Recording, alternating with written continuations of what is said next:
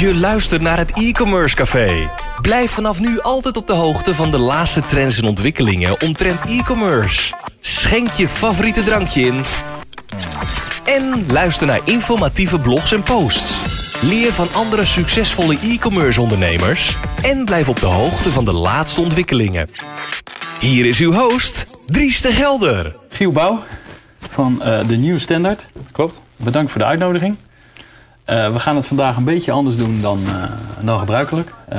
ik ga jou eerst even introduceren wie je allemaal bent, wat je allemaal doet. Ja. Daarna gaan we het even kort hebben over marketing. Mhm. Maar eigenlijk zitten we hier om te kijken hoe we een campagne kunnen maken voor het e-commerce café om zoveel mogelijk ja, leden te gaan werven voor deze prachtige community. Of dit prachtige netwerk. je bent eigenaar van de Nieuw Standard. Klopt. Tevens founder, denk ik. Klopt. Uh, je hebt het Grafisch Lyceum gedaan in Utrecht. Daar heb je media, management en marketing gedaan. Uh, je houdt je bezig met het vermarkten van innovaties. Dat klopt. Wat bedoel je daar precies mee? Dat is een goede vraag. Uh, mijn manier van marketen, um, dat is volledig ingericht op het uniek maken van een bedrijf. dat komt omdat ik zelf een ontzettend enthousiast persoon ben en ik vind alles heel erg leuk. Um, uh, en daarom, daarom klik ik ook zo goed met innovatoren. Want een innovatie of iemand die zelf iets ontwikkelt, heeft er enorm veel passie daarvoor. En daarom, um, als ik mijn creativiteit daarbij leg en we zijn samen enthousiast en geïnvesteerd in een project, dan komen altijd de mooiste dingen uit. Oké. Okay. Nou, dan ben ik wel zeer benieuwd dan, uh, ja. naar een eventuele samenwerking met, uh, met e-commerce café. Ja. je bent samenwonend ja. en samenwerkend ja. met jouw vriendin. Dat klopt. Kijk eens aan. Hoe gaat het? Uh... Hartstikke goed. Ja? Ja. onze kracht ligt denk ik wel dat we allebei gewoon uh, ook doen wat we zelf leuk vinden. Okay. Dus uh, ja, samen wonen. Maar weet je, ik doe gewoon mijn ding en zij doet haar ding. En ja, als we naar bed gaan of we gaan even een serietje kijken, dan, dan, dan komen we weer samen. Dus dat is denk ik wel onze kracht. Ja, oké. Okay. Dus op de werkvloer zijn er twee... ja, ja hoor. Nou, als je ja. dat, zolang je dat gescheiden kan houden. Ja.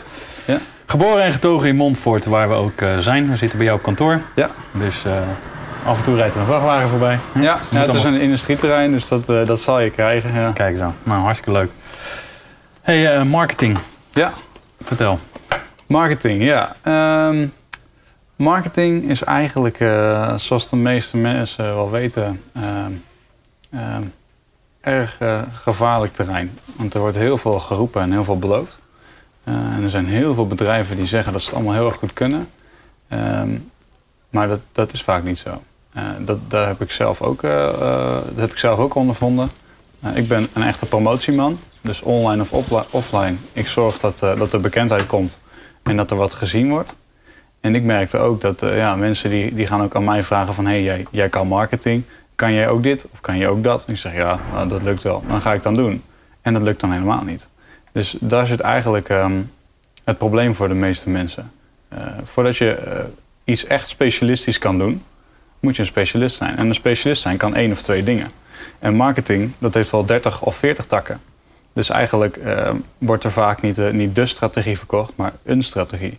En daardoor zijn het eigenlijk vaak meer verkapte salesmensen dan dat ze een bedrijf echt optimaal kunnen helpen. En daar wil ik wel veranderingen brengen. Ja. Ja. Ik merk dat ook wel uh, in het verleden met hem dan online. Zeg Ja. maar in de webshop hebben gehad. Dat je dan wel eens een SEO-campagne uitbesteedt of een Ja. AdWords-campagne. En dan hebben ze altijd hele mooie verhalen op voorhand. En als je dan na twee maanden, want ze zeggen altijd dat ze drie maanden nodig hebben, minimaal. Uh, maar wat, wat, ze allemaal gedaan hebben, dan kunnen ze dat de eerste maand wel verantwoorden. Maar de tweede maand wordt het alweer wat lastiger. En de derde Mhm. maand zeggen ze ja, je moet nog heel even wachten op de resultaten. Maar ja, maar wat heb je nou deze maand gedaan? Want ik betaal Ja. wel voor je service. Ja. Ja. Uh, die, die, antwoorden die vond ik altijd uh, erg sumier, zeg maar. Uh, waardoor ik altijd twijfel had aan externe bureaus om daarmee samen te werken. Ja, begrijp ik volledig. Dat heb je goed. Um, het zit hem er vooral in. Um, eigenlijk is het een beetje een visueuze cirkel. Want wat jij, eh, waar jij last van hebt gehad, is iemand die, uh, die kan iets goed. En die gaat daarom uh, datgene voor jou doen, want dat heeft in het verleden wel voor iemand anders gewerkt. En dat betekent nog lang niet zozeer dat dat voor jou gaat werken. Uh, bijvoorbeeld, ik ben, ik ben een marketingbureau en ik doe al een half jaar niet meer aan social media. En ze zeggen van ja, maar uh, hoe kan je nou uh, iemand social media aanbieden als je het zelf niet eens doet? Ja, ik kijk gewoon objectief naar mezelf, van werkt het voor mij? Nee, mijn doelgroep zit er niet, dus ik maak, ik maak er geen uren aan vuil. Dus met die gedachte moet je eigenlijk naar elk bedrijf kijken. Het is gewoon tijd en geld weggooien. Ja.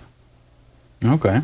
Ja, dat is zeker waar. Wat, wat, ik altijd denk, en want ik denk altijd het goede in de mens, is dat zo'n bureau is heel erg enthousiast op voorhand. En ik denk ook best wel dat ze het in huis hebben.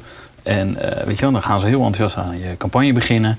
Maar ondertussen is de sales, of, want je moet ook weer aan je vervolgcampagnes denken. Ja. Komt er weer een nieuwe klant binnen en die krijgt dan weer al die aandacht. En eh, weet je wel, dus eh, Hmm. niet, niet dat, dat- ik denk niet dat er kwaad in zit. Nee. Maar het is gewoon het enthousiasme weer voor nieuwe project. Het nieuwe Ja. heb ik zelf ook. Als je weer Ja. helemaal kan focussen op een nieuw project, dan ga je weer vol energie in. En Nee, tuurlijk. Ja, nee, dat, dan loopt nee, al het andere een beetje terug. Dat is herkenbaar. Dat is herkenbaar. Dat maakt mezelf ook wel eens aan schuldig. Kijk, Echt? als er echt iets, ja, maar als er iets prachtigs binnenkomt, dan natuurlijk, dan, dan, dan gaat even je focus daar naartoe. Maar het is nou juist de kracht om, om iedereen gewoon die gelijke verdeling te geven. Eh, dat kan je ook eh, in principe meetbaar maken. Kijk, er zijn genoeg tools die eh, de optimalisatie voor je uit handen nemen. Dus als je voor jezelf gewoon vaste monitormomenten inplant als marketingbureau en je houdt je daar standvast aan, dan heeft iedereen gewoon dezelfde behandeling. Ja. Oké, Dus het kan wel. het kan wel. Nou, kijk eens aan. Ik ben benieuwd, eh Ja, Giel. Eh, eh, ik vind het heel leuk dat we, een, dat we het een keer anders doen dan anders. Dus Ja. dat we gewoon op camera en we gaan misschien maken we er hier drie series van. Dus dat we dan kijken gewoon, oké, weet je wat, we gaan beginnen. Ja. We doen, we gaan doen een, een tussenmeting. we gaan eens even Ja. kijken waar we staan. Ja. En we doen een eindmeting. En dan elke keer gaan we daar kijken of we daar een podcast van maken. Ja. En tenminste, als je me kan overtuigen natuurlijk om samen te gaan werken met jou. ja anders wordt het een eh, kort verhaal. Anders blijft het bij één gesprek. ja, dan zijn we voor een kwartier weer naar huis. toe. Eh, nou, dat nog niet. Want, hè? Maar dan maken we het hier gewoon het gesprek af. Dan Ja. gaan we even kijken. Dus ik ben eh, heel erg benieuwd eh, hoe, hoe je dat aanvliegt. En eh, ja, Ja. eh, ja, wat ik natuurlijk, of het aansluit bij mijn eisen ook. eh, Ja. eh, wat ik zoek is zeg maar een partij waarmee ik samen kan werken. Eh, eh, eh, want eh, voor de mensen die nog niet precies weten wat e-commerce café is, maar ik maak een podcast, ik probeer een forum te bouwen, ik probeer een netwerk te bouwen en ik probeer leden te werven. Ja. Ehm, podcast eh, maken, nou, dat kost tijd. Nou ja, eh, ik ben hier vanmorgen heen gerezen, alweer een uur. Eh Ja. Dadelijk nog een uur terug. Het gesprek duurt ook nog misschien een uur, anderhalf. Ja. Dus dan ben je alweer een halve dag kwijt. En dan moet het nog geëdit worden en getuned. En er moet nog een tekstje bijgeschreven worden. Moet het nog verspreid worden op social media, al dat soort dingen. Nou, dan ben je gemiddeld tussen de 10 en de, en de 25 uur bezig. Dus dat, dat verschilt nogal even per podcast. Ligt Ja. eraan hoeveel tijd en energie ik eraan geef. Mhm. Ehm, maar ik wil dus dat mijn funnel duidelijk gevuld wordt, zodat ik meer leads krijg. Die eh, of geautomatiseerd lid worden van eh, het e-commerce café, omdat het gewoon helemaal duidelijk is en iedereen snapt de boodschap. Ja, dat is een club, daar moet ik bij horen. Ja. Of het wordt, eh, weet je wel, ik eh, krijg een lead in mijn box dat we even gaan bellen. Of dat ik hem nog even laatste Mhm. om ze over de streep te trekken. Ja. Dus dan misschien een soort van eh, ja, funnel aan de ene kant, funnel aan de andere kant op. En eh, Ja. dat soort eh, Ja. partijen. Met als doelstelling om natuurlijk een succesvol netwerk te maken. Nou, hartstikke mooi. Klinkt goed. Nou. Dan wil ik gelijk eh, mijn eerste vraag stellen naar jou toe. Kijk eens aan. Hoe, eh, hoe kom je erop? Wat, wat maakt dat jij zo'n platform wil creëren voor e-commerce bedrijven? Hoe kom je bij deze doelgroep en eh, waar haal jij je plezier uit? Eh, op dit moment. Ja. Op dit moment haal ik mijn plezier uit dat ik weer overheerlijk aan het ondernemen ben. Ja. Dat is één. Twee, haal ik het plezier uit gesprekken met ondernemers. Elke ondernemer, wat hij ook doet, die vind ik gewoon waanzinnig inspirerend. Eh, wat hun drijf is eh, achter, eh, achter hun bedrijf of achter hun ondernemerschap. Maar wat ik ook vaak heel mooi en fascinerend vind zijn...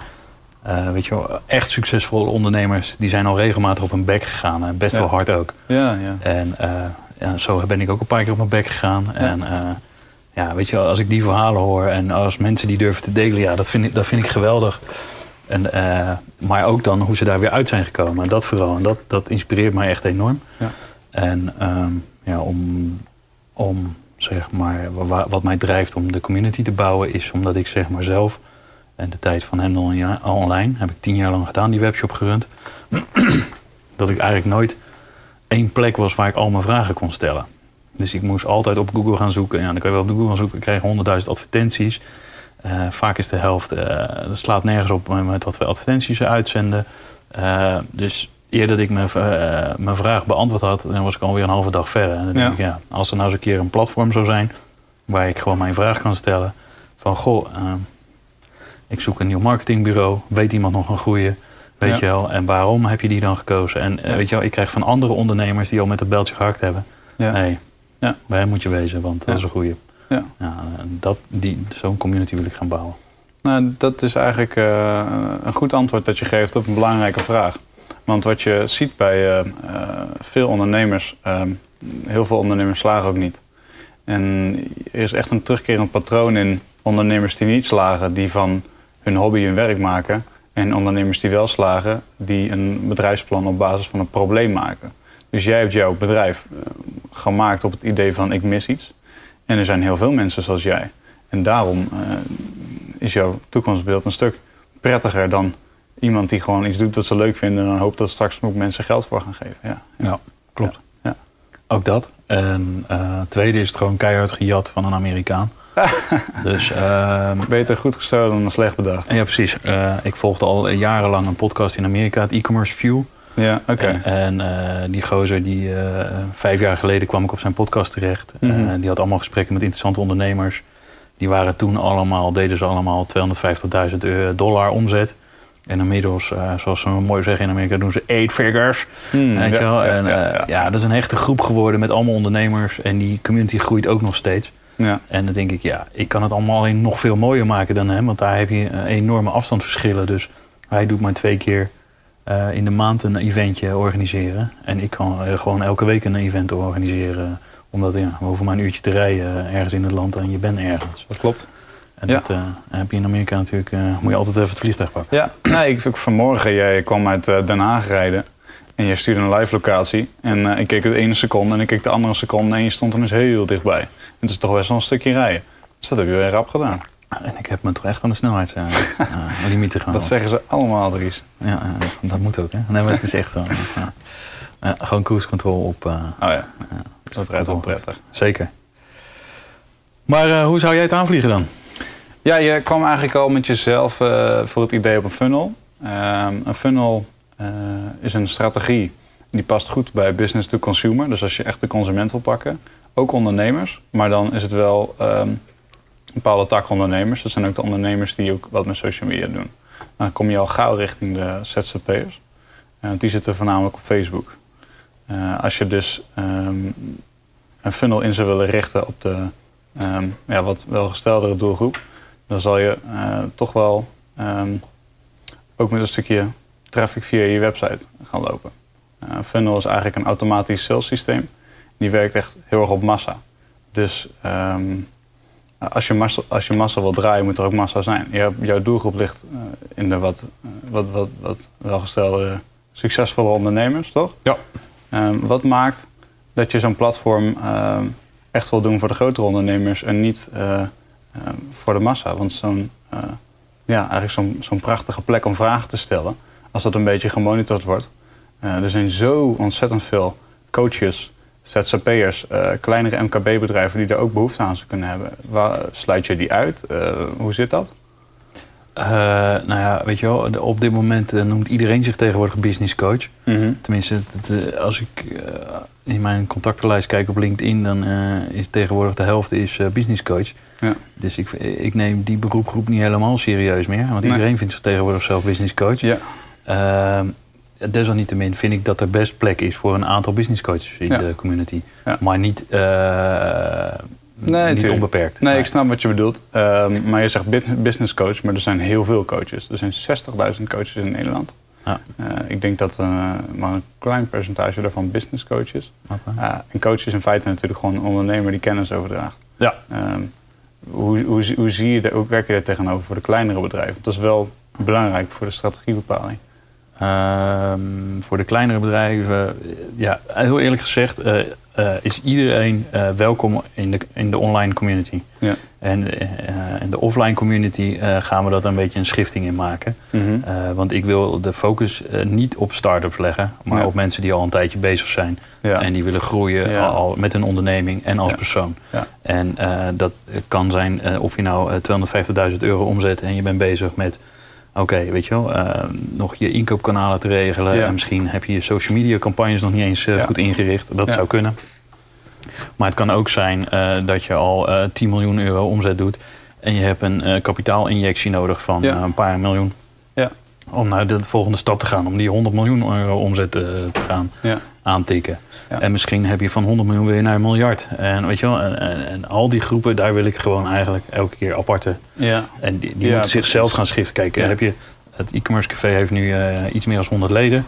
Ehm, ja, Mooi. nu, eh, nu zitten we nog niet, zeg maar, dat ik een schifting kan maken van... goh, hier hebben we een echte groep, die zit daarmee op en die zit daarop. Nee, nu is het nog te divers. Maar hoe groter dadelijk de groep wordt...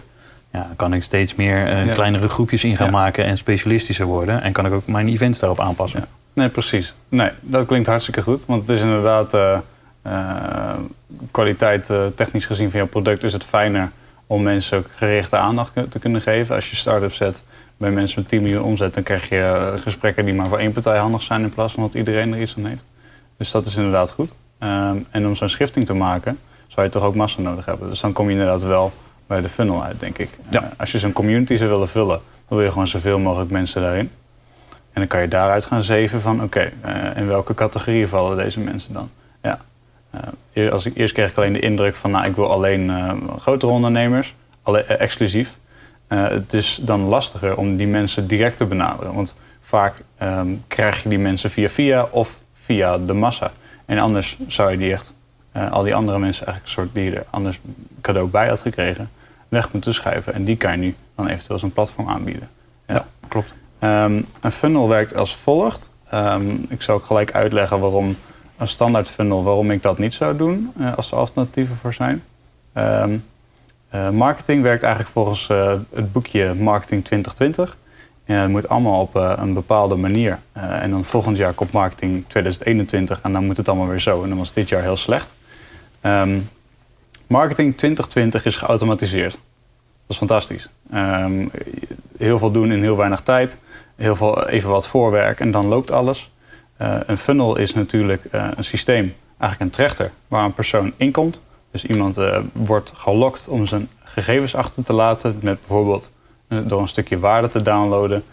Download het e-book, vul je e-mailadres in, eh krijg tips, et cetera. Eh, iemand komt dan in een systeem en die krijgt e-mails.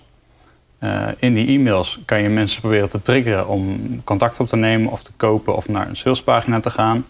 Ehm, maar wat eh, vind ik nou het probleem met een funnel? Het is allemaal eh, geautomatiseerd, natuurlijk, maar dat maakt het ook vreselijk onpersoonlijk. Iedereen krijgt dezelfde mails, iedereen krijgt dezelfde content. Je kan eigenlijk niemand direct eh, aanspreken. Dus het zal altijd ervaren worden als spam. En daarom heeft een funnel e-mail ratio ook vaak ehm, ja, weinig open ratio. Ik merk ook zelf, eh, als ik dan een keer behoefte heb aan een whitepaper of een e-book, dan ga ik die aanvragen. En dan de rest van de mails, ja, die open ik niet eens. Die zijn gewoon zo, op, die zijn zo massaal en zo niet handig voor mij. Ehm, daar hebben we al een alternatief voor bedacht. Ehm, we hebben een, een, een lead magnet gemaakt. Dat is een ander woord voor een e-book of een whitepaper. Eh, de manier om de lead in een funnel te krijgen. Dat is een interactieve quiz. Dus ehm, eigenlijk is het nu eh, iets leuks. En aan het einde van dat leuks krijg je een stukje waarde. Dus bij mijzelf hadden we bedacht eh, jouw marketingadvies.nl. Eh, daar, kan je, daar was een quiz op te vinden. En die duurde één minuut om in te vullen. En dan moest je eh, vragen eh, invullen over je persoonlijkheid, over je bedrijf, over je middelen die je nu ter beschikking hebt voor marketing en je toekomstplannen. Op basis van die antwoorden kon ik kennis delen. Kregen ze ook geautomatiseerd, maar gepersonaliseerd een, eh, een presentatie met een persoonlijk marketingadvies die bij de richtlijnen van hun bedrijf zou kunnen passen. Dus er werd op social media werd dat verspreid, dat werd gedeeld, want het was een soort leuk en een beetje ludiek. En aan het einde van het liedje kreeg je gewoon echt serieuze waarde. Je kreeg gewoon, oké, eh, zo'n strategie past bij mijn bedrijf. En daar kon je dan ook echt wat mee. En wat is nou echt het allermooiste aan zo'n funnel? Eh, je hebt nu een klein stukje waarde gegeven. Maar alle e-mails, salespagina, upsellspagina, eh, bedankpagina, landingspagina, alles dat erbij komt kijken, is van voor naar achter gepersonaliseerd op basis van de quizantwoorden. De tone of voice, eh, de tips die erin komen, de content die erin komt. Dus elke mail die je nu nog naar iemand stuurt in de funnel, voelt als een persoonlijke mail voor die persoon met tips van waarde. Dus je kan met een quiz kan je meten van oké, ehm, waar is iemand in zijn bedrijf? Wat voor tips passen bij die stap in het ondernemerschap? Dus als je echt een starter bent, dan krijg je de hele simpele tips. En als je echt heel gevorderd bent, dan, eh, dan ga je best wel de diepte in. En gaat het ook weer over automatisering. Ja. Oké, maar het is natuurlijk niet de bedoeling dat ik zeg maar eh, echt heel veel tips ga geven. Ik wil Ja. dat ze die tips gaan halen in de community. Juist, precies. Ja, maar of het nou tips zijn, eh, dat, dat is maar natuurlijk een voorbeeld. Het gaat erom dat je de mensen persoonlijk aan wil spreken. En dat je ze iets wil geven om te, dat hun triggert. Maar, dat we, maar iets dat iemand triggert, dat is voor iedereen verschillend. Dus daar, daar ligt het probleem met een bestaande funnel. Jij wordt iets, over iets anders getriggerd dan ik. En iemand met 10 miljoen omzet, die wordt waarschijnlijk helemaal niet zo makkelijk getriggerd door een e-mailtje. Dus daar zit hem de truc in om dat te personaliseren. Ja. Oké. Hey, en ehm, eh, waar, waar zit jouw service dan in? Wat ga jij doen? Wat gaan wij doen? Ehm, eigenlijk gaan we eerst op basis, we doen op basis van onderzoek alles. Dus we gaan eerst eh, met jou een persona maken eh, van oké, wie is dan eh, jouw doelgroep? En we gaan dan al jouw online kanalen onder de, onder de loep nemen om die te vergelijken met wat straal je op dit moment uit. En dan gaan we een heel onderzoek over doen. En uiteindelijk kom je met een, met een, met een, met een persona van oké, dit is die persoon bijvoorbeeld Dennis van 40 jaar, vrouw en kinderen, woont daar, zo en zo bedrijf. Dat is dan jouw persona. Dat is tevens jouw doelgroep. Ehm, op basis van die persona gaan we zo'n quiz-idee maken. Die moet aansluiten bij de boodschap, bij de doelgroep, bij het doel. En er zitten allemaal maatstaven aan op basis van data, niet eh natte vingerwerk. En ehm, met dat onderzoek gaan we dat allemaal ontwikkelen. Dan gaan we een aantal quiz-ideeën maken, dat gaan we allemaal testen. Eh, elke maand wordt eh, alles naast elkaar gelegd. Van gaat die manier van aanspreken beter, gaat die manier van aanspreken beter. Er worden advertenties gemaakt die direct aansluiten op jouw doelgroep. Ehm, het hele proces wordt eigenlijk voor jou ontzorgd. En je kan er dus vanuit gaan dat je gewoon een, ehm, ja, een hele goede stroom van, van leads binnen blijft krijgen. Die zelfs ook automatisch zouden kunnen converteren als je zo ver wil gaan. Je kan ook een, eh, een berekening aanhangen, bijvoorbeeld. Ehm, dat is altijd interessant. Ehm, stel je hebt ehm, 500 euro advertentiebudget dat je in Facebook wil stoppen. Dat gaat dan naar de advertenties, dus dat, dus dat bepaalt hoeveel het verspreid gaat worden. Stel je gemiddelde kosten per klik, dat is zeg maar ehm, eh, hoeveel cent heeft het gekocht voordat iemand naar jouw website is gegaan, is bijvoorbeeld 50 cent. Nou, 500 euro keer 50 cent kosten per klik, dat is voor mij vrij, vrij hoog. Ik heb altijd een lekker lage kosten per klik. Nou, dan kan je ervan uitgaan dat je 1000 websitebezoekers hebt. Ehm, een gemiddeld ratio van mensen die iets afnemen op jouw website is 3%. Nou is een funnel compleet ingericht op nog hogere verkoopcijfers dan de website. Maar we houden nog gewoon nog steeds het marktgemiddelde van 3% aan. 1000 keer 3% is 30. Hou je 30 leads aan over. Stel je eh, eh, offerte closing percentage is 60%. Nou, voor jou zal het waarschijnlijk hoger zijn. Eh, voor een, een, een dure dienst zal het lager zijn. Ik pak die van, van bijvoorbeeld mijn webbouwer erbij. Eh 60%, 30 keer 60%, is geloof ik 18 op mijn hoofd. Eh, dan heb je 18 deals gemaakt. 18 keer jouw gemiddelde saleswaarde. Bijvoorbeeld in zijn geval is dat 2000 euro. 18 keer 1000 euro is 36.000 euro. Nou ja, weet je, reken maar uit. En dan moet je dat natuurlijk met je inkoop doen of wat dan ook. Maar hij heeft dan een, eh, wat is het, keer, keer 20 op zijn, op zijn geïnvesteerde bedrag eruit gehaald. Zo'n berekening ligt voor iedereen anders. Maar je moet ook kijken naar eh, lifetime value van een klant. Dus als je bij eh, bijvoorbeeld een abonnement van jou 10, 20, 30, 40, 50 euro. Maar je moet kijken van oké, wat, wat levert een gemiddelde mijn klant in, in zijn hele levensduur bij mij op? Ja.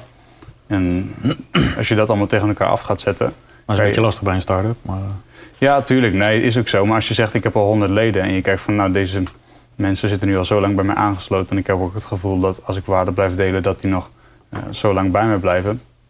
Je kan eigenlijk hele goede prognoses al van tevoren maken. Eh, op wat zoiets voor je op kan gaan leveren. Eh, en wat ook nog heel erg leuk is, dat, eh, dat bieden wij dan aan. Dat heb ik nog niet eerder gezien. Een funnel, ehm, dat kost elke maand geld. Want dat, dat wordt, blijft geoptimaliseerd worden en het kost onderhoud. Bij ons kun je het ook eigenlijk afkopen. Dus als je een eenmalig bedrag betaalt, dan eh, zetten wij de automatische optimalisatie erop.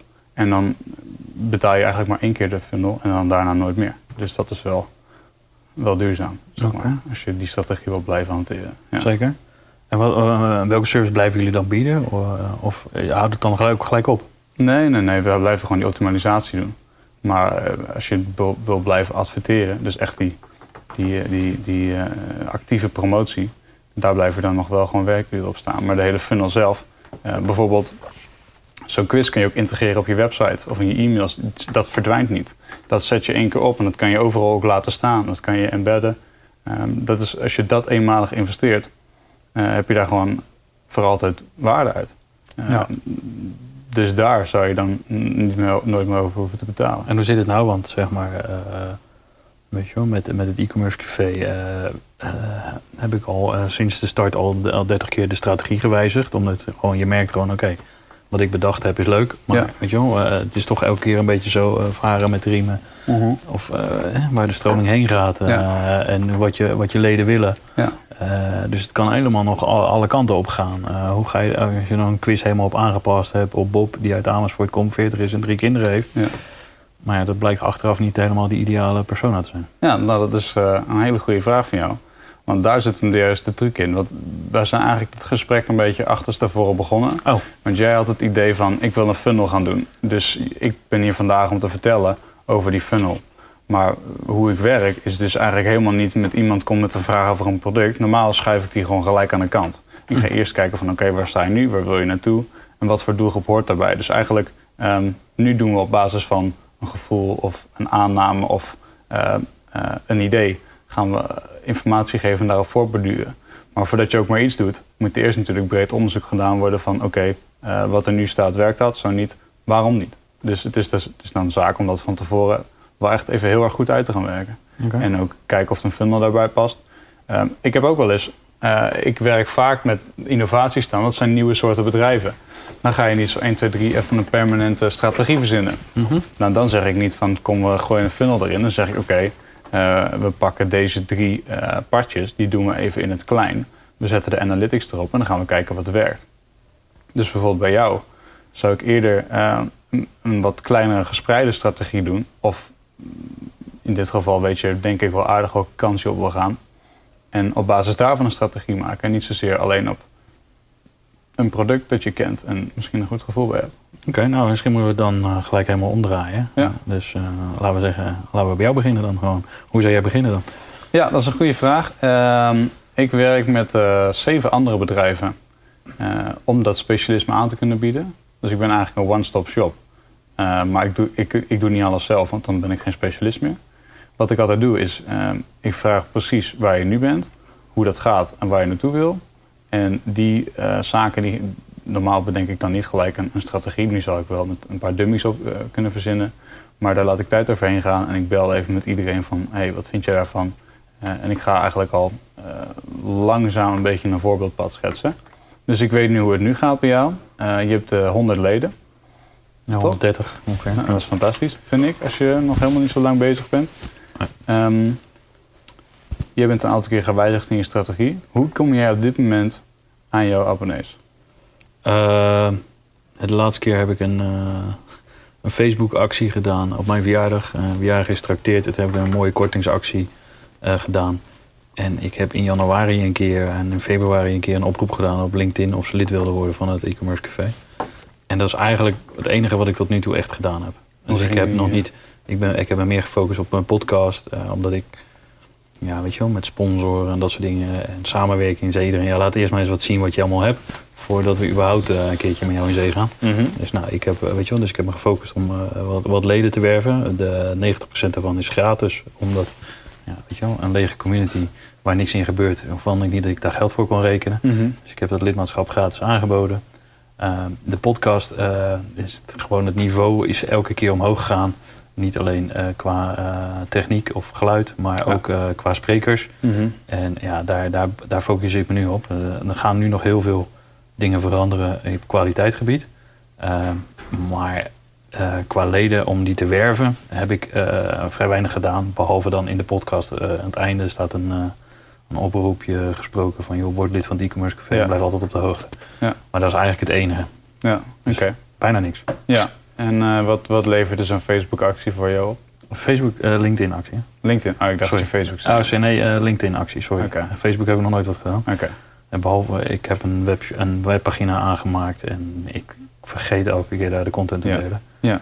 Uh, uh, en ik heb zo'n auto geautomatiseerd uh, systeempje. Als ik iets post of zo, dan Ja. maak ik gelijk een heleboel, een soort van schetsje voor social media, dat hij dat af en toe eens een keertje Ja. de content plaatst. Ja. Ehm, dus alleen op LinkedIn heb ik eh, acties gedaan. eh. Ja. En dus drie keer een actie of zo om lid te worden. Ja, nee, Verder- precies. Verder helemaal nog niks. Dat klinkt goed. Ehm, ik denk waar, eh, waar de kracht dan voor jou in gaat zitten, is je moet eigenlijk altijd denken ook vanuit de doelgroep. Dus ik maak een campagne of een website niet voor jou, maar voor de doelgroep. En hoe spreek je zo iemand aan?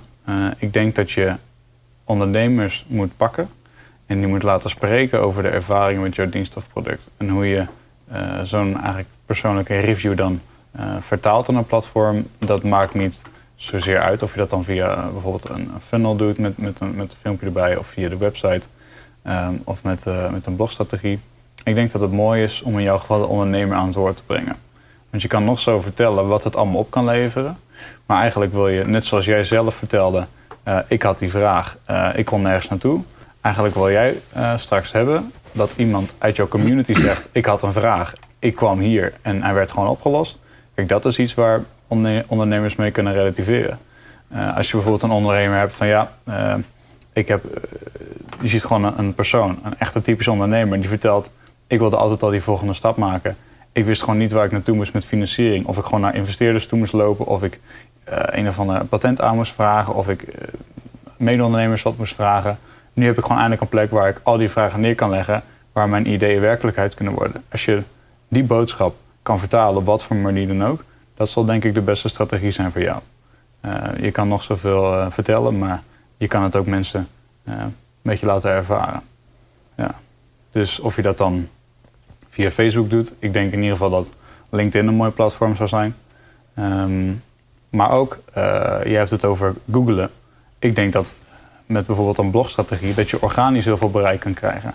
Ehm, een blogstrategie is een stukje eh, zoekvindbaarheid en dat is een eenmalige investering. Kijk, dingen als een advertentie is, eh, je stopt er geld in, je kijkt hoeveel eruit komt. Eh, als dat meer is dan dat je erin hebt gestopt, dan doe je het weer of groter. Ehm, maar met een blogstrategie kan je op basis van iemands vraag iemand naar je website toe lokken.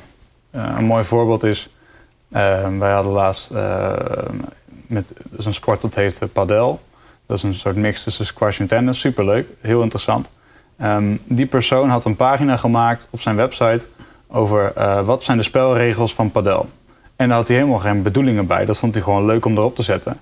En hij kreeg ontzettend veel eh, traffic van Google, omdat mensen gewoon gingen zoeken wat de spelregels van padel waren. En zo kom je op je website. En dat kan je ook doen voor jouw doelgroep. Eh, wat zijn de vragen van mijn doelgroep? Kan ik hierover schrijven? Kan ik hierop gevonden worden? Ik denk dat dat een, een duurzaam plan is voor jou. Ja. Ja, op basis van vraag en het eh, oplossing en probleem eh, daaruit te werken. En niet alleen vertellen van eh, ik heb dit, ik heb dit, ik heb dit. Maar jij kan straks dit krijgen. Of heb jij hier ook problemen mee? Ondernemers hebben altijd al een beetje dezelfde algemene problemen. Als je daar een beetje op de wond kan drukken eigenlijk, als ehm, denk ik wel dat daar een hele mooie markt ligt. Ja. Nou, wat ik nu merk is gewoon, zeg maar, dat eh, qua content eh, aanbieden, omdat ik zulke gave gesprekken heb met, eh, in de podcast. Die podcast laat ik, die komt op YouTube, die komt op, op iTunes, op Spotify, op Google Podcast, noem maar op. Eh, op nog eh, 15 andere platformen. En wa- waar ik het zelf op post is op Encore FM. En die neemt het dan over op allerlei andere zaken, zoals iTunes en Spotify. mooi. en daarnaast wordt, omdat het op iTunes staat of op Spotify staat, wordt het weer opgenomen door andere podcastverspreiders. Dus eh, daarom sta ik op 15 verschillende media. Eh, daar plaats ik overal een korte samenvatting op met wat linkjes en dat soort zaken. Dus de, de, SEO-technisch zit het volgens mij wel goed. En de content die ik dan maak, echt voor de, eh, van het gesprek, daar, de, die is, is natuurlijk van onschatbare waarde. Omdat Ja. het gewoon echt ondernemers onder, onderling zijn waar het Ja. gesprek over gaat. Dat gesprek laat ik helemaal uittikken eh, door middel van een transcript. Dat transcript komt op de website en een samenvatting en nog wat uitleg over de persoon en Ja. dat soort zaken. Ja. En dan heb je natuurlijk een schitterend verhaal. Nee, zeker. En die verhalen eh, zou je voor het mooie. eh, je vertelde zelf al dat je met iemand wilde gaan werken die dan structureel jouw teksten komt doen. Als diegene een beetje ervaring heeft met zoekvindbaarheid, kan je gewoon die teksten laten redigeren en een beetje knippen en plakken. En eigenlijk komt bijvoorbeeld uit een gesprek dat wij nu hebben, daar komt op basis van een vraag komt een antwoord uit. En je kan straks op die vraag gevonden worden in Google. Ja, zo kan je dat in gaan richten. Eigenlijk met al die gesprekken die je nu voert, eh, heb je gewoon eh, mensen die elke, elke week voor jou een fantastische blog aan het maken zijn. Ja, Dus eh, dat is in ieder geval duurzaam, zeker. als Ja. we in dat kader spreken. Ja, Ja. klopt. Dus ik merk het ook, mijn content wordt echt heel goed belezen en Ja. dat soort dingen. Nee, dat is mooi. En, nu heb eh, ik het zelf gemaakt voor mijn schrijffout en dat soort dingen. En Ja. eh, ja, als die, die, die, die kwaliteit echt enorm kan verbeteren, dan... eh, Ja, nee, inderdaad. En als ik, eh, als ik naar je podcast, eh, wat ik eh, als tip zou geven bijvoorbeeld, is eh, waar mensen al, eh, wat mensen in podcast vaak doen, wat ik zelf niet helemaal begrijp, is eh, die vertellen bijvoorbeeld de podcast met die en die persoon. Staat aan de titel. Eh, maar wat mensen aan zal spreken, bijvoorbeeld bij mij, eh, wellicht zou je eerste reactie zijn van eh, pod- podcast met Giel Bouw, want dat zouden de meeste mensen doen. En ik zou dan eerst denken van ja, maak dan, ehm, noem het dan podcast over de toekomst van marketing, bijvoorbeeld. Eh, ik weet niet of je dat zelf al doet. Ja. ja maar daar dat heb ik na een tip van Rebecca Blokcel, Ah ja, ook, die ook in de podcast is geweest. Ja, mooi. zij is extreem goed op YouTube. ja, Eh, verdient heel veel geld op YouTube. Dus zei ze ook van ja, leuk dat jij in gesprek bent met, eh, met Pietje. nee, mooi. Maar ja. dat interesseert niemand wat. Ja. Maar wat wel iedereen interesseert is van hey, waarom eh, conversieverhogend of eh, Ja. het succes door middel van, weet je wel. Ja, nee, Dat moet je mooi, delen. dat, mooi dat ze dat dan, dat ze dan wel hetzelfde een beetje vindt als ik. Dan, dat, dat versterkt dat gelijk. Maar ehm, nu snijdt het eigenlijk aan twee kanten. Want ten eerste is het leuk dat iemand aan je podcast komt luisteren op basis van jouw titel. Maar als jij eh, elk gesprek gaat zien als een oplossing voor een probleem. en je vertaalt dat ook weer in, eh, in tekst op je website. dan ga je daar straks een hele grote stroom aan eh, potente bezoekers voor krijgen. Als jij, voor, als jij hebt zelf ook allemaal dingen ge- gegoogeld en jij zegt ja, ik kwam alleen maar op adverteerders. Maar dit, is al, dit zijn allemaal geen advertenties. Dit is gewoon, gewoon keiharde tekst waar iemand mee kan helpen. Keiharde promotie voor jouw platform. Gratis. Dit wordt gewoon voor jou verteld. Ja. Dat moet je gewoon in gaan zetten.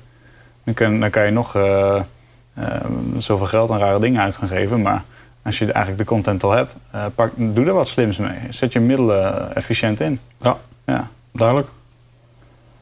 Oké. Ehm, dus dat. Maar ik denk ook zeker, eh, als ik nu kijk naar, naar de gigantische massa met ondernemers. ehm, wat, eh, wat, wat, wat gaat een lidmaatschap eh, bij jou kosten?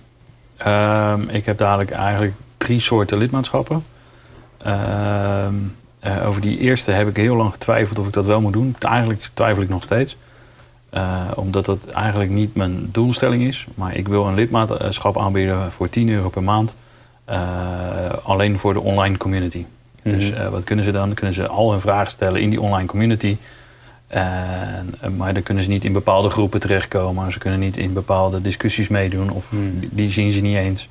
Of eh, dat soort zaken. Maar ze kunnen wel zeg maar, in het algemene gedeelte kunnen ze vragen stellen. En daar kan iedereen op antwoorden. En er kunnen whitepapers gelezen worden. Eh, eh, kan je trainingen kan je volgen. Die zullen dan niet gratis zijn, maar daar zou je voor moeten betalen. Ja.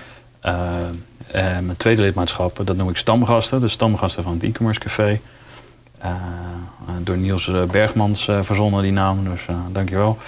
En, Dankjewel eh, Niels. ja, precies. Eh, eh, ik vond wel leuk, stamgasten horen in een café. Ja. En de stamgasten die betalen 50 euro in de maand. Ja. Wat krijgen ze daarvoor? Daar krijgen ze voor natuurlijk toegang tot de online community. Toegang tot diverse groepen. Wat ik wel ga monitoren is, zit je in de groep, eh, doe je met je webwinkel eh 250.000 euro plus. Ja, dan kan je daarin, doe je, weet je wel. En dat, ga, bij 250.000 euro ga ik het misschien wel of niet controleren. Maar weet je wel, doe je een miljoen plus. Ja, eh, wil je in die groep terechtkomen, ja, dan wil ik wel even de cijfertjes zien, eh, dat soort dingen. Ja. Eh, of je daadwerkelijk ook daar toegang tot hebt. En doe je 10 miljoen en doe je 15 miljoen, weet je wel. Ik wil, Ja. al die, die, al die, ik wil het wel een beetje specialistisch. Ja. En ik wil het ook echt in ere houden. Ja. Dus als je je daar niet aan voldoet, dan kom je ook niet in zo'n groep. Ja. En ik heb ook echt voor ondernemers. Dus ben je leverancier en je bent nu lid van een e-commerce café. Eh, en je doet met je bedrijf wel eh, 10 miljoen euro omzet. Maar je bent geen eigenaar van het bedrijf. Ja, zo kom je ook niet in die groep. Weet je. Ik wil echt alleen ondernemers onderling. Weet je, want ik wil juist dat het besloten blijft en dat soort dingen. Ja, dat zeg je goed. En eh, eigenlijk wat, ik, eh, wat je nu doet, is, dat is denk ik sterk. Want je hebt natuurlijk ook eh, netwerkplekken, de bekendste is denk ik wel BNI. Maar dat is zo ver- ontzettend verwaterd. En er zitten ook. eh, ik ben, ik ben, ben een keer gevraagd toen, eh, bij, bij een meeting, dat was ontzettend leuk. En, maar eh, ik denk dat een kwart van die mensen die waren geen eens ondernemers. Die representeerden alleen een bedrijf. En die zitten daar gewoon alleen maar om klanten te krijgen. En ik denk dan van ja, oké, eh, daarvoor ben ik hier niet. Weet je wel? Precies. Ja, dus Ja. ik denk, eh, maar met die abonnementen segmenteer je het ook wel mooi. En ik denk, kijk, zo'n funnel is mooi voor hele hoge waarden. Een funnel dient er eigenlijk voor met een advertentie. hier gaat het vaak fout. Met een advertentie ga je geen auto verkopen. Dat gaat niet. Je kan niet een plaatje op Facebook plaatsen en verwachten dat mensen 30.000 euro uitgeven. Dat gaat niet gebeuren. Dus Wat wel kan gebeuren, is dat je met bijvoorbeeld een funnel of wat dan ook, eh, onderhoudsbanden verkoopt en een eh, nou, onderhoudsbanden, een onderhoudsbeurt en autobanden verkoopt. Die mensen zitten dan in je klantenbestand. Ja. En als die mensen dan een keer bij je zijn voor de onderhoudsbeurt en je zegt van hé hey, eh, Pieter, leuk dat je er bent. Eh, ik ken je nu al een tijdje, je krijgt altijd die banden van mij. Er is nu toch een model binnengekomen, dat past echt bij jou, loop eens mee. Kijk, dan wordt het interessant. Dus het is echt voor dingen van hoge waarde. Eh, jij hebt het nu bijvoorbeeld over die kleinere abonnementen. Eh, kijk, het wordt al interessanter bij de 30 of 50 euro per maand. Maar als je het hebt over 10 euro per maand en je kan je aanbod goed vertalen, dan is een funnel, dat is toch al vrij prijzig. Dan zou ik gewoon kijken of je direct met een pakkende campagne direct leden kan werven. Want dan heb je een veel lagere kosten. En dan kan je return of investment weer veel hoger worden. Ja. Kijk, voor de grotere abonnementen, dan zou je ze wat warmer moeten maken. Zeker, tuurlijk. Eh, maar als je eerst leden wil knallen bijvoorbeeld, dan zou ik daar geen funnel achter hangen. Nee.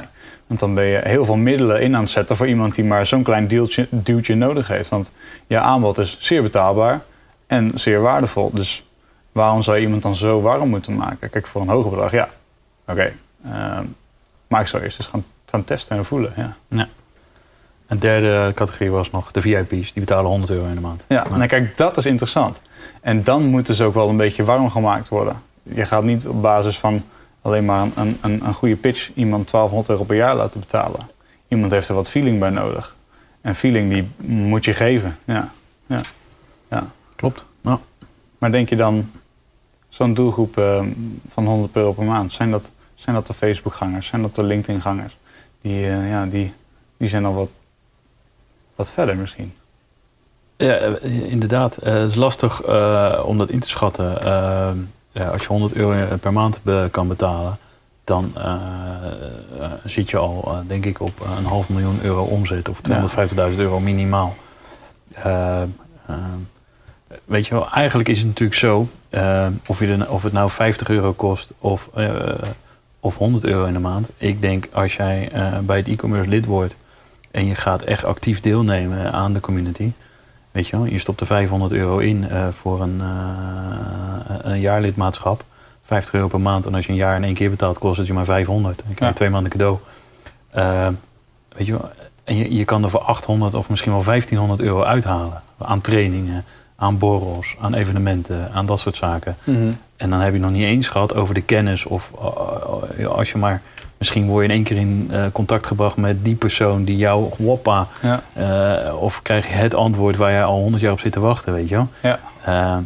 Dat nog niet eens meegerekend. Ja. Dus ik denk dat het een investering is die er makkelijk uit gaat halen. Ja. Dus het is ook een verkooppraatje. Alleen je, mensen moeten het wel even weten. Ja, ja nee, ik vind dat je een ontzettend interessant aanbod hebt. Maar het is dan juist de druk om te vinden van... oké, eh, ga ik mijn hele aanbod eh, vertellen wat je er allemaal mee kan... of ga ik de mensen persoonlijk aanspreken op waar een behoefte liggen? Eh T-Mobile die zegt niet dat ze zoveel zetmasten op zoveel plekken hebben... en dat het zoveel milliseconden duurt om naar hun satellieten te gaan. Zij zeggen, wij hebben het snelste internet. Want mensen hebben behoefte aan snel internet. Terwijl een ander misschien weer, weer behoefte heeft aan, aan veel opslag voor weinig geld. Ja. En daar zou jij dan mensen in kunnen segmenteren. Van iemand eh, die op zoek is naar eh netwerkbijeenkomsten. Iemand die op zoek is naar eh, een online omgeving waar ze vragen kunnen stellen. Iemand die op zoek is naar sparringspartners in hun eigen segment. Eh, elke doelgroep heeft iets anders dat ze aanspreekt. En dan zou het eh, eh, zonde zijn om één strategie in te zetten. Dan moet je ook een beetje voelen. Eh, daarbij eh, komt bijvoorbeeld een hele mooie software kijken.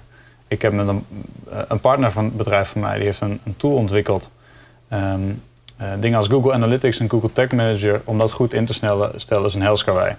Ook 5% van de bedrijven, eh, die heeft het natuurlijk echt maar serieus ingesteld. Eh, mensen denken altijd, ja, ik heb nu bijvoorbeeld Google Analytics ingesteld.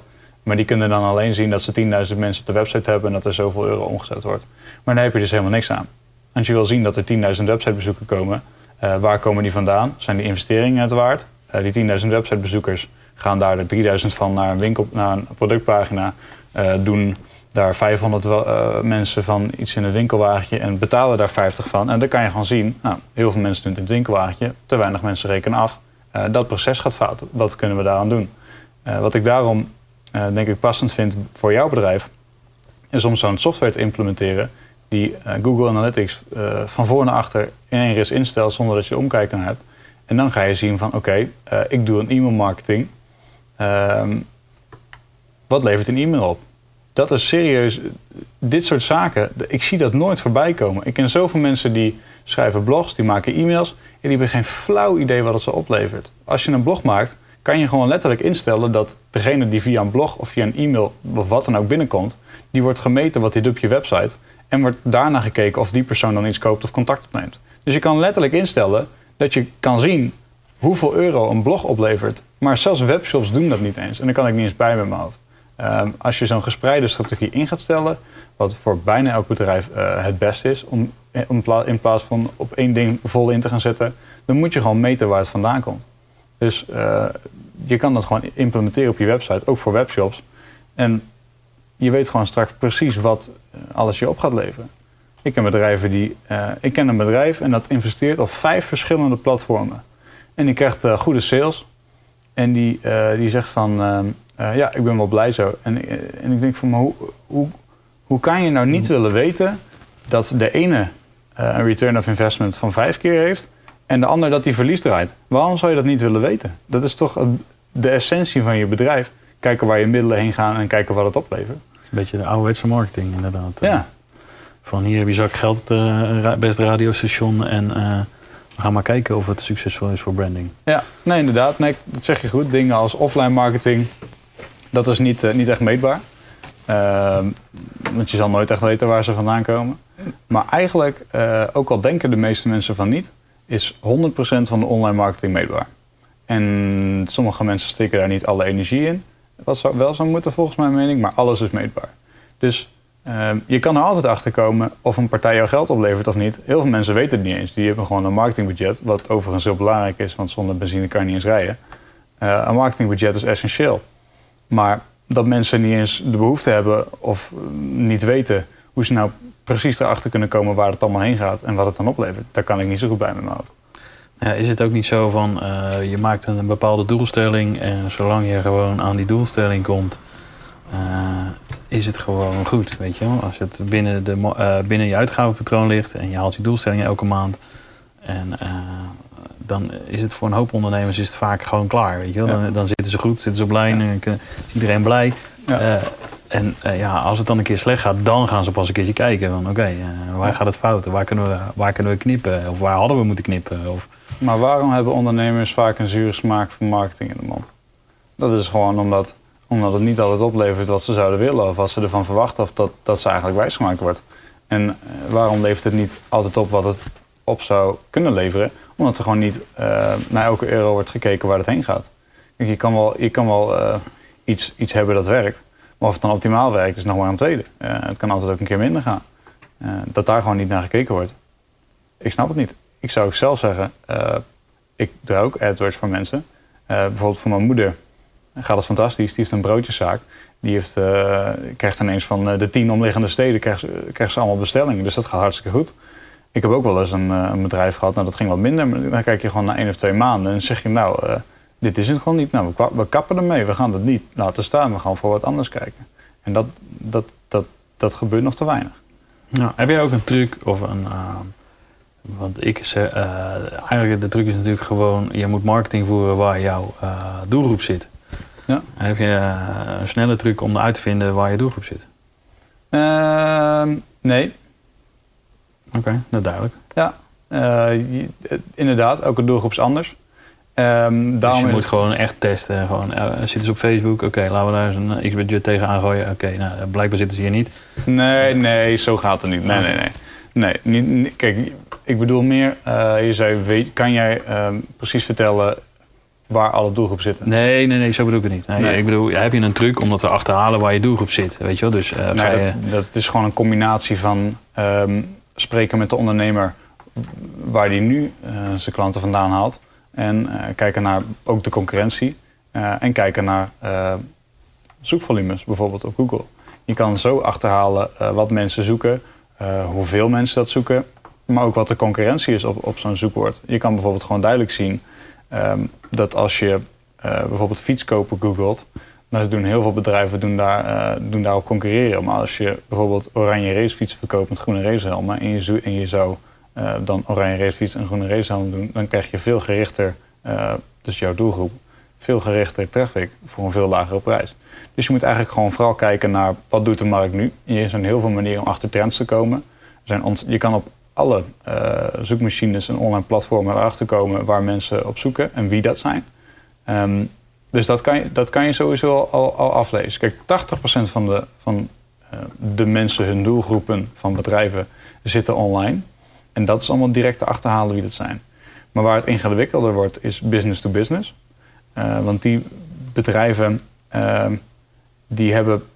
Kijk, mensen doen zaken met mensen. Als je iets gaat kopen als consument, dan zie je gewoon iets en dan wil je het of je wil het niet. Maar waar het bij business to business vaak zit, is dat mensen doen zaken met mensen. En ehm, of die mensen nou te vinden zijn online of in het echt, dat roleert nog heel veel. En dat zou je vaak moeten testen. Eh, maar dat, je kan al heel veel doen op basis van waar haalt iemand op dit moment zijn klant uit. Ja, dat is denk ik wel het belangrijkste. Maar je zal nooit kunnen zeggen van... ehm, Nee, maar bijvoorbeeld, eh, ik ben zelf graag actief op eh, LinkedIn. Ja. Maar omdat ik denk, ja, weet je wel, zo'n onder, speciaal platform voor ondernemers. daar kan je veel kennis delen, veel zakelijke informatie wordt daar gedeeld. Dus dan denk je, ga je ervan uit, daar zal je doelgroep wel zitten. Nou, daar, nou scoor ik daar redelijk makkelijk in. Maar eh, misschien zitten ze wel gewoon op Facebook of eh, zit mijn doelgroep op TikTok. Eh, Nee, maar dat zijn ja. kanalen die ik zelf nog niet onderzocht heb. Nee, nou, maar als ik, ik, ik hou van aannames doen en dat kan ook. Maar ehm, eh, het probleem met In aannames sales is is... dat toch altijd het slechtste wat er is? Sorry? In sales is dat altijd het slechtste wat er Ja, is? dat klopt. Want het kan, het kan enorm zeg maar weer later in je reet bijten. Eh, maar als ik even op basis van profilering jouw doelgroepen samenstellen, dan is de LinkedIn-doelgroep is, eh, een, een, een 30 euro per maand. Dat is voor jou interessant, dat is voor jouw mede-ondernemers interessant. Er zit toch eh, ja, een beetje profilering, een ander soort, ander type mensen op Facebook. Nou, die zal meer richting tientje per maand gaan. Die vinden dat wellicht heel interessant. Dat is echt massawerk. Dat zijn ook de mensen die, die, die zien het allemaal niet zo nauw. En, maar echt die, echt die grotere doelgroep, die is dan weer niet te vinden op social media.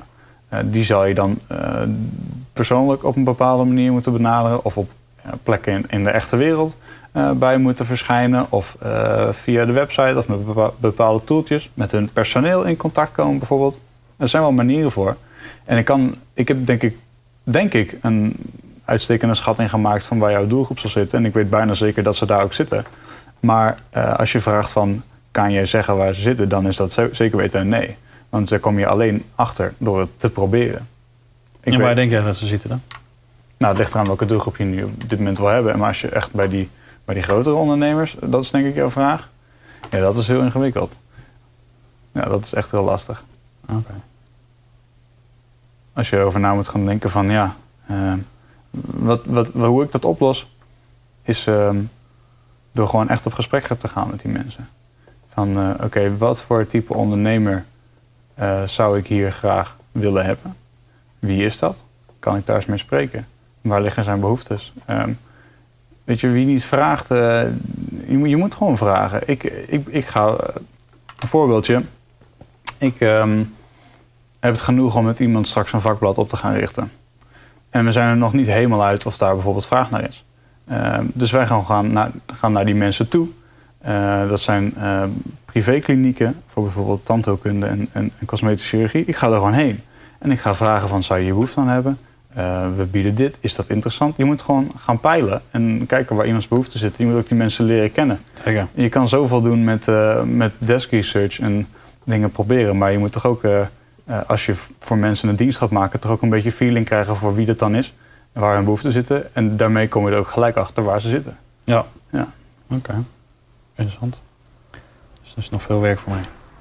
Ja, maar het zijn alleen maar leuke dingen. Dat zijn echt leuke dingen. Zeker. Ja, in contact komen met mensen. En als je die mensen wil bedienen, dan is er niks interessanters dan nou echt even achterkomen hoe het zit. Ja. Ja. Zitten gewoon de ondernemers eh, die een beetje in e-commerce zitten en dus eh, veel online zitten, zitten die niet gewoon op al die kanalen?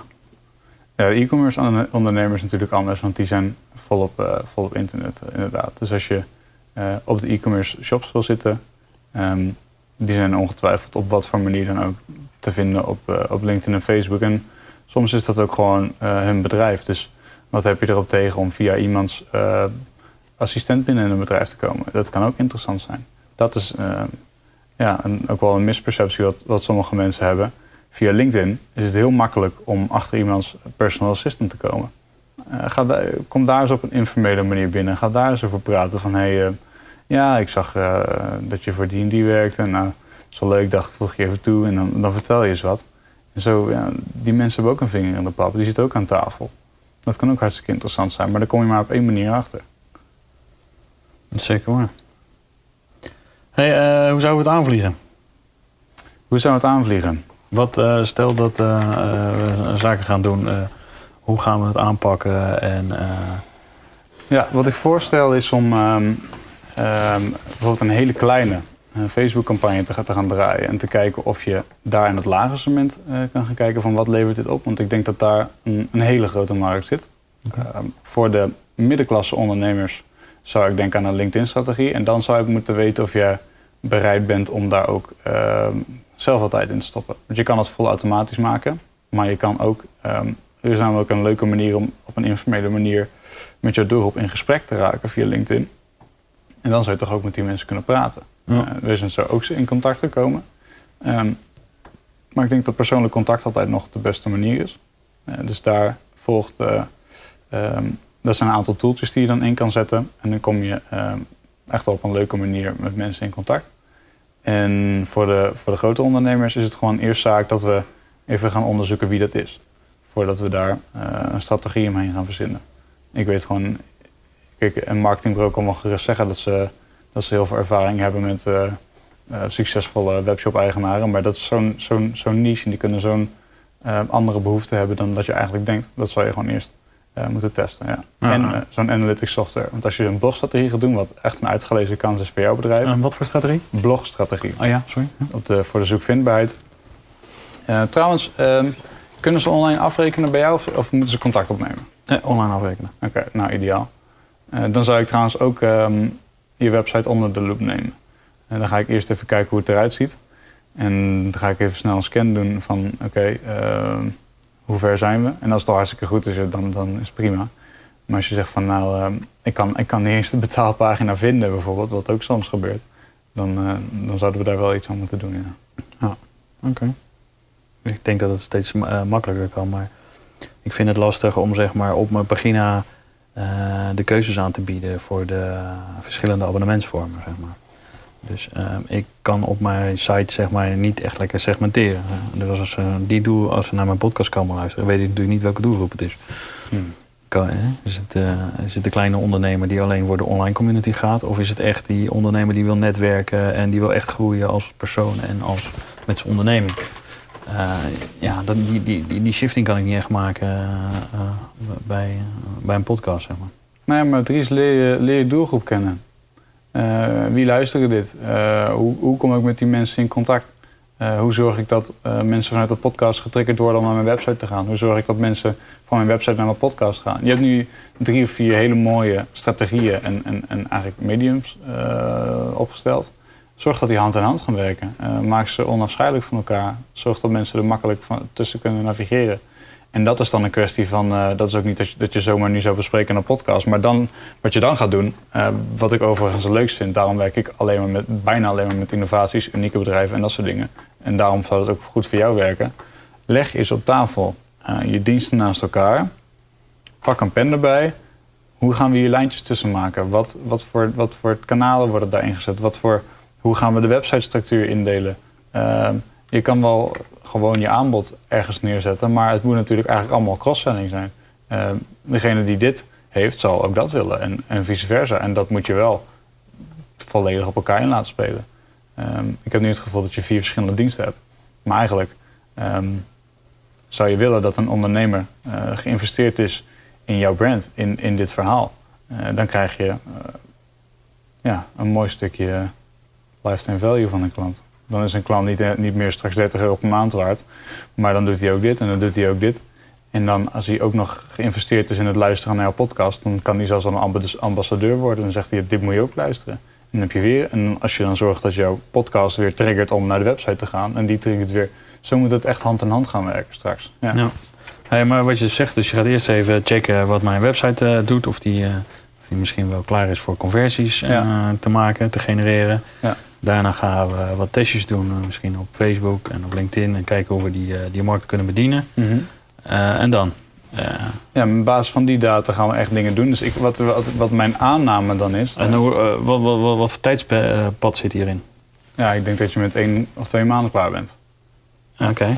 Uh, ik denk, en wat je met, die, met je met die data kan doen, is dan ga je kijken van oké, okay, uh, welk kanaal werkt en welk kanaal werkt niet. Uh, voor mij was dat bijvoorbeeld, nou social media werkt niet. Nou, ik ga daar mijn tijd niet meer aan vuil maken. Dus dan ga ik kijken van hoe kan ik die mensen dan wel bedienen.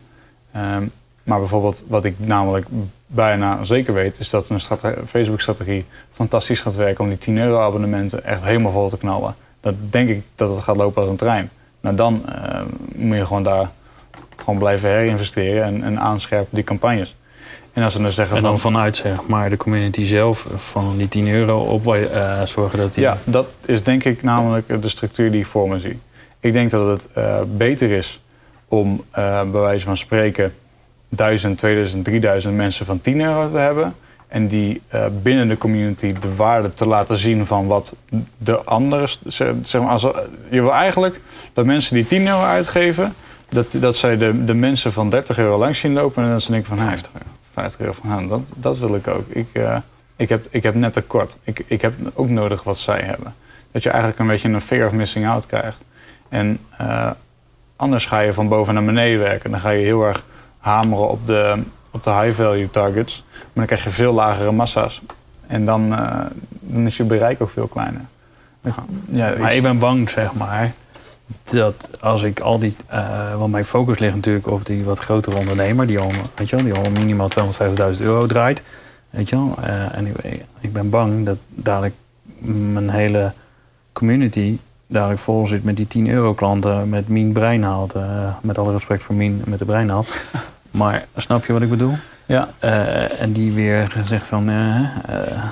Nee, natuurlijk. Ik snap wat je zegt. Die, die, die uh, vraagt, uh, als je dan zegt, nou, dan maak je van Excel. Wat is Excel? Weet je wel? Dat soort uh, vragen. Weet je mm. Met alle respect, maar daar wil ik niet de focus op leggen. Ik wil echt op die, die, on, die ondernemer gaan helpen die al iets doet en ja. iets bereikt. Ja. En nou zullen ze misschien sommige ondernemers ook wel denken van ja, 10 euro in de maand is best goed om even te gewoon komen kijken mm -hmm. wat het is en wat ze doen en wat ze, ja. kijken of ze die waarmaken wat ze beloven. Ja. Nou, ik bedoel ook niet zozeer dat je dan uh, alleen maar de bakker op de hoek en, uh, en, en, dat soort dingen krijgt. Het gaat er juist om dat um, jouw doelgroep die zit meer verwoven tussen de normale mens dan dat de normale mens in je doelgroep verwoven zit. Dus het is een beetje, er is niet echt een wisselwerking, het is eenrichtingsverkeer. Um, dus ik denk dat het heel goed is om jouw doelgroep te bereiken. nou, jouw mensen als jouzelf ga je het beste bereiken via Google. Want die gaan met vragen komen. En dan weet je ook dat je uh, de juiste mensen hebt. Want je zegt van ja, ik wil niet dat mensen uh, vragen wat is Excel. Maar ja, als ze al duidelijk met een bepaalde vraag komen, dat, dat specialistisch is op het onderwerp, dan zit je al bij de goede mensen. Um, dan heb je nog de massa, waar ook weer die personen in verwoven zitten. Dus het zullen echt niet alleen maar, uh, de 10 euro abonnementen zullen alleen, niet, alleen maar verwaardersbare mensen zijn voor 10 euro. Er zullen ook die grotere doelgroep tussen zitten. En je gaat krijgen dat kleinere ondernemers die gaan bijvoorbeeld groeien. Kleine ondernemers die gaan zien wat jouw platform nog meer kan bieden. Dus nu heb je al die twee doelgroepen getackled. Uh, maar de, de grotere ondernemers, daar zit een beetje de, de misperceptie. Um, mensen gaan bijvoorbeeld zeggen van ja, je moet een, een Google-strategie doen voor, de, voor, het grotere, voor het grotere, wat luxere segment. Um, maar die mensen die googelen lang niet meer zelf, want die hebben mensen die voor ze googelen. Ze gaan echt niet als ze een probleem hebben met hun bedrijf, gaan ze niet meer googlen. Dat, dat gaan ze gewoon niet doen. Ze gaan gewoon, als ze echt een hele specifieke vraag hebben, dan bellen ze een maatje op van het andere grote bedrijf en dan vraagt hij even van hé, hey, hoe doe jij dat?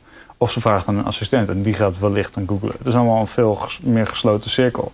Dus het heeft ook niet zoveel zin om ehm, de echte uh, grootgrutters op zo'n standaard manier aan te pakken. Dat gaat dan gewoon niet worden. Je zal dan of de mensen dichtbij je moeten hebben, of op een andere, uh, op maat gemaakte manier bij die mensen kunnen komen. En ik zou dan eerder denken bijvoorbeeld aan uh, beursplekken, uh, vergaderplekken waar die mensen komen, evenementen. hoe kan je je daar gaan profileren, dat soort zaken. Ja. Of serieus bij die mensen aan tafel komen en dan zou je toch ook via een assistent moeten gaan. Ja, duidelijk. Nou ja, de meeste webshops hebben geen assistent hoor. Ja, ik, ik zit steeds met mijn hoofd natuurlijk bij een, een ondernemer aan zich, maar je, voor webshop ligt ook wel veel meer online inderdaad. Ja. ja. Voor het e-commerce café zijn het exclusief webshops eigenlijk, toch? Uh, ja, eigenlijk iedereen met een uh, website waar, betaal, waar, je op kan betalen, vind ik een e-commerce ondernemer. Ja. En dus, uh, weet je wel, het kan ook een reisorganisatie zijn als je je betaling daar doet. Dat is ook een e-commerce ondernemer. Ja. Maar misschien jouw moeder uh, met uh, aangesloten op uh, ja. thuisbezorg.nl is misschien ook een ja. e-commerce ondernemer. Ja. dus ja, daar, daar moeten we even kijken. maar dat gaat zich ook vanzelf vormen, weet je wel. Dus ook in de community zelf. Ja, nou, ik, denk, ik denk wat het belangrijkste is, want dat, dat merk ik dat dat zelf nogal een beetje ontbreekt, is dat je echt, echt gaat leren kennen van wie zijn deze mensen. En als je echt een gevoel krijgt bij wie deze mensen zijn, dan ga je ook voelen waar hun behoeften liggen. En dan moet je eigenlijk gaan handelen op basis van hun behoeften. En, en, en, en daar zit wel, wel de kracht in. Op basis van vraag, behoeften en, uh, en, en, persoonlijkheid. Ja. Oké. Nou, ik uh, ben een hoop wijzer. Uh, had jij verder nog vragen om ideaal voor mijn campagne? Of wat, je, wat zou je nog meer nodig hebben van mij? Ehm, niet zozeer, want vanaf van hieruit ga ik natuurlijk scans doen en kijken hoe het nu staat. En van daaruit denk ik dat we eh, een nieuwe meeting zouden kunnen maken. Waarbij we echt zeggen van oké, we leggen nu even alles op tafel wat we hebben.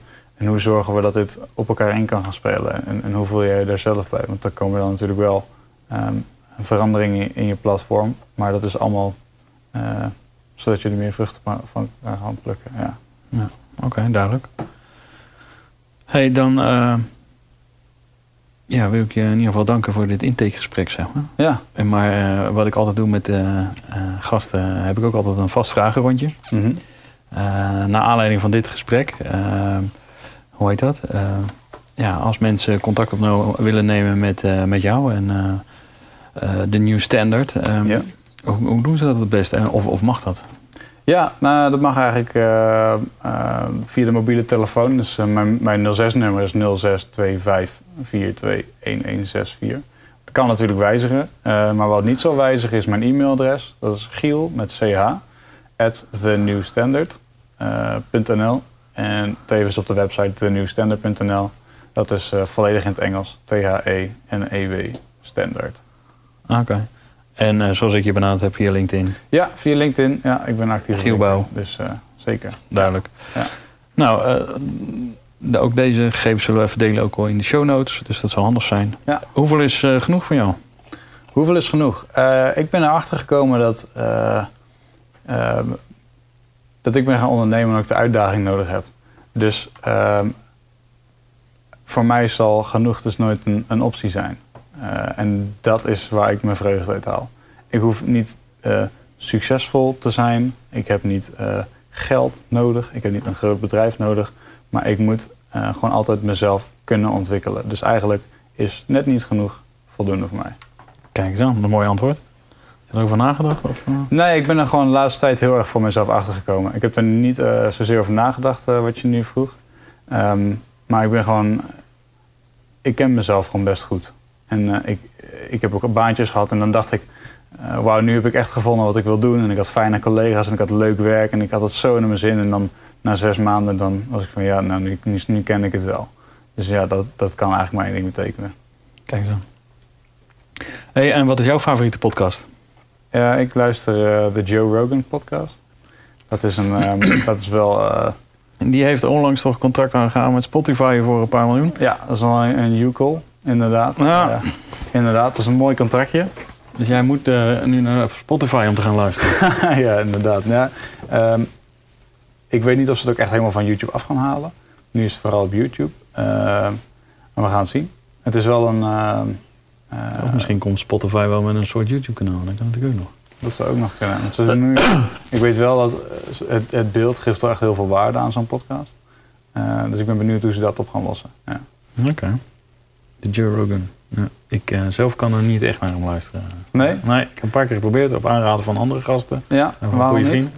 Ik weet het niet. Ten eerste kom ik al niet door de, de drie minuten reclame heen eh, voordat er een podcast begint. Drie minuten reclame? Ja, tenminste, dat was de, de keer dat ik eh, ging luisteren. Had iets van zeven adverteerders of zo. En, Echt? Ja. Ik heb dat nog nooit gezien. Ik heb dat nog nooit gezien. Nou, toen ben ik afgehaakt dus. Ja. En daarna vond ik, nee, ik, ik weet het niet. Ik vond, vond het niet prettig. Maar dat kan ook eh, twee keer. Ik heb twee keer geluisterd, twee keer geprobeerd. Misschien twee keer eh, sprak ik me niet aan. Kan. Ja. Nou, dat kan, natuurlijk. Maar, eh, Ieder zijn mening, toch? zeker. Maar misschien moet ik gewoon een keer een, een podcast. Iedereen heeft wel eens een slechte podcast. Bij mij zijn ze ook niet allemaal goed.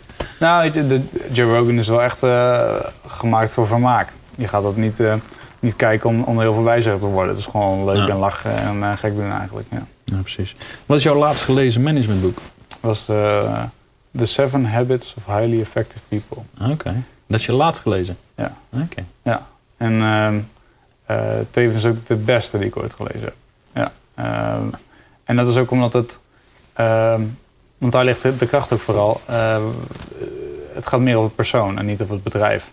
Dus eh, heel veel boeken die gaan over hoe je dingen efficiënt kan doen. Maar eh, dit boek laat je wel tot je eigen kernwaarden komen. En dat weer te laten reflecteren in je bedrijf. Ja. Oké. Dus als ik nu vraag van welk managementboek moet iedere ondernemer minimaal gelezen hebben?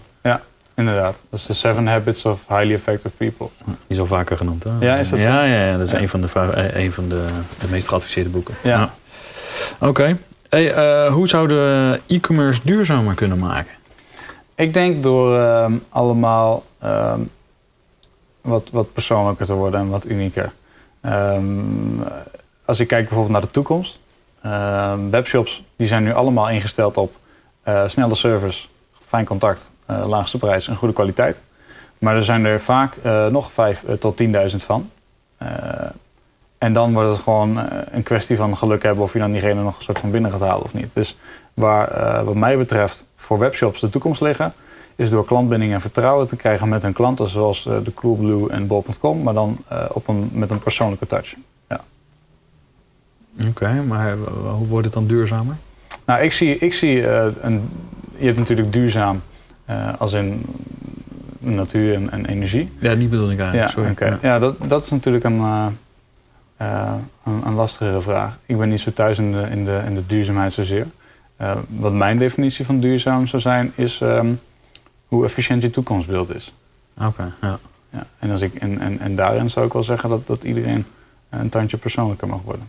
Ehm, Nee, want ik denk, eh, weet je wel, de boeren worden nu natuurlijk weer, die hebben het zwaar. En eh, omdat we met die CO2-maatregelingen en Ja. dat soort geneuzel. Maar misschien kunnen wij met e-commerce ook met z'n allen wat bijdragen. ja, nou, dan zou ik vooral kijken naar eh, wat mijn logisch verstand zou zeggen, is eh, verpakkingsmateriaal. Eh, als ik zo naar eh, de Albert Heijn kijk, dan denk ik van jeetje, wat, wat een plastic wordt hier allemaal weggegooid. En ik denk ehm, eh, voor de e-commerce ondernemer, denk ik dat je een goed voorbeeld neemt als je even gaat kijken van oké, en welke materialen gebruik ik en eh, wat, belandt hier, wat belandt hiervan in de natuur. Je weet toch ook wat het nieuwe goud is? Ja, is dat zo? Dat is lucht. Ja. Ja, weet je wel, als je, lucht is het nieuwe goud, zeggen ze. Ja. eh, verpakkingen, als die leeg zijn, zeg maar zo'n doos en daar gaat zo'n kopje in. Ja, en de rest moet opgevuld worden. Ja, daar, daar zit een prijskaartje aan, dat is het nieuwe goud. Ja. Hoe lang draag jij een spijkerbroek voordat die er was in gaat? Ah, dat is een goede vraag. Nu iets te lang, want ik zou al iets meer broeken mogen hebben. ja, als eh jong ondernemer gaat mijn geld niet zozeer gelijk uit naar broeken. Eh, ik denk twee tot drie dagen. Ja. Ja, dat is nog netjes. Ja. Ja. En ze zeggen dat je een spijkerbroek nooit moet wassen. Dat weet je niet. Is dat zo? Ja. Nou. Dus daarom is die vraag. Lijkt me niet zo fris. Zeg je? Lijkt me niet zo fris. Eh, nee, maar een, een spijkerbroek zit het lekkerst als je hem niet wast. En sommige mensen leggen hem in de vriezer Echt waar? om de bacteriën er weer uit te halen. Oh, wauw. Ja. Maar dan ga je heel ver hoor. Die heb ik nog niet eh, als gast gehad, eh, mensen die dat doen. Eh, wie zou mijn volgende gast moeten zijn? Wie zou je volgende gast moeten zijn? Ehm, ik zou het mooi vinden, denk ik, als je ehm, iemand vindt die een oplossing kan bieden voor het verschrikkelijke ehm, sollicitatiesysteem dat we op dit moment hebben. Dat eh, op basis van eh, cv gaat en niet op, en niet op karakter. En daarvoor, ehm, eh, dat is Sherkent. Ik zal je zo wel even mijn, zijn, zijn gegevens doorsturen. Dat is een, een jongeman die, die maakt een, nou jongeman is geloof ik 35. eh, maar hij maakt een platform dat compleet gemaakt is op iemand aannemen op karakter en op persoon. Dus dan neem je ook iemand aan op wie die is en niet alleen op, op, op wat hij kan. Ja, Dat is gaaf. dat vind ik inderdaad eh, echt heel erg gaaf. Dat is heel interessant. Hey, eh, Giel, dankjewel voor je tijd. We hebben er eh, een uur en een kwartier op zitten. Nou, dat is niks Nou, gedaan, mooi. toch? Ja. Nee, keurig binnen de tijd. Nou, binnen de tijd niet. Maar... Ja, ontzettend bedankt Dries voor een leuk interview en dat we je wat beter mochten leren kennen. Ja, kijk eens aan. En dat ik ook eens een keer mijn verhaaltje een beetje kon doen. Ja. En eh, ja, we gaan kijken of we er een vervolg aan kunnen geven. Ja. En eh, wie weet. Wie weet. Dus eh, dankjewel. Hartelijk dank. Weer bedankt voor het luisteren. Vergeet je niet te abonneren voor onze podcast. Geef een aantal sterren die jij vindt dat we verdienen. En schrijf een review met wat jij vindt wat goed ging of verbeterd kan worden. Ga naar e-commercecafé.nl voor de laatste ontwikkelingen en de show notes van deze podcast. En word lid van onze community. Tot de volgende. En tot die tijd lekker veel online verkopen.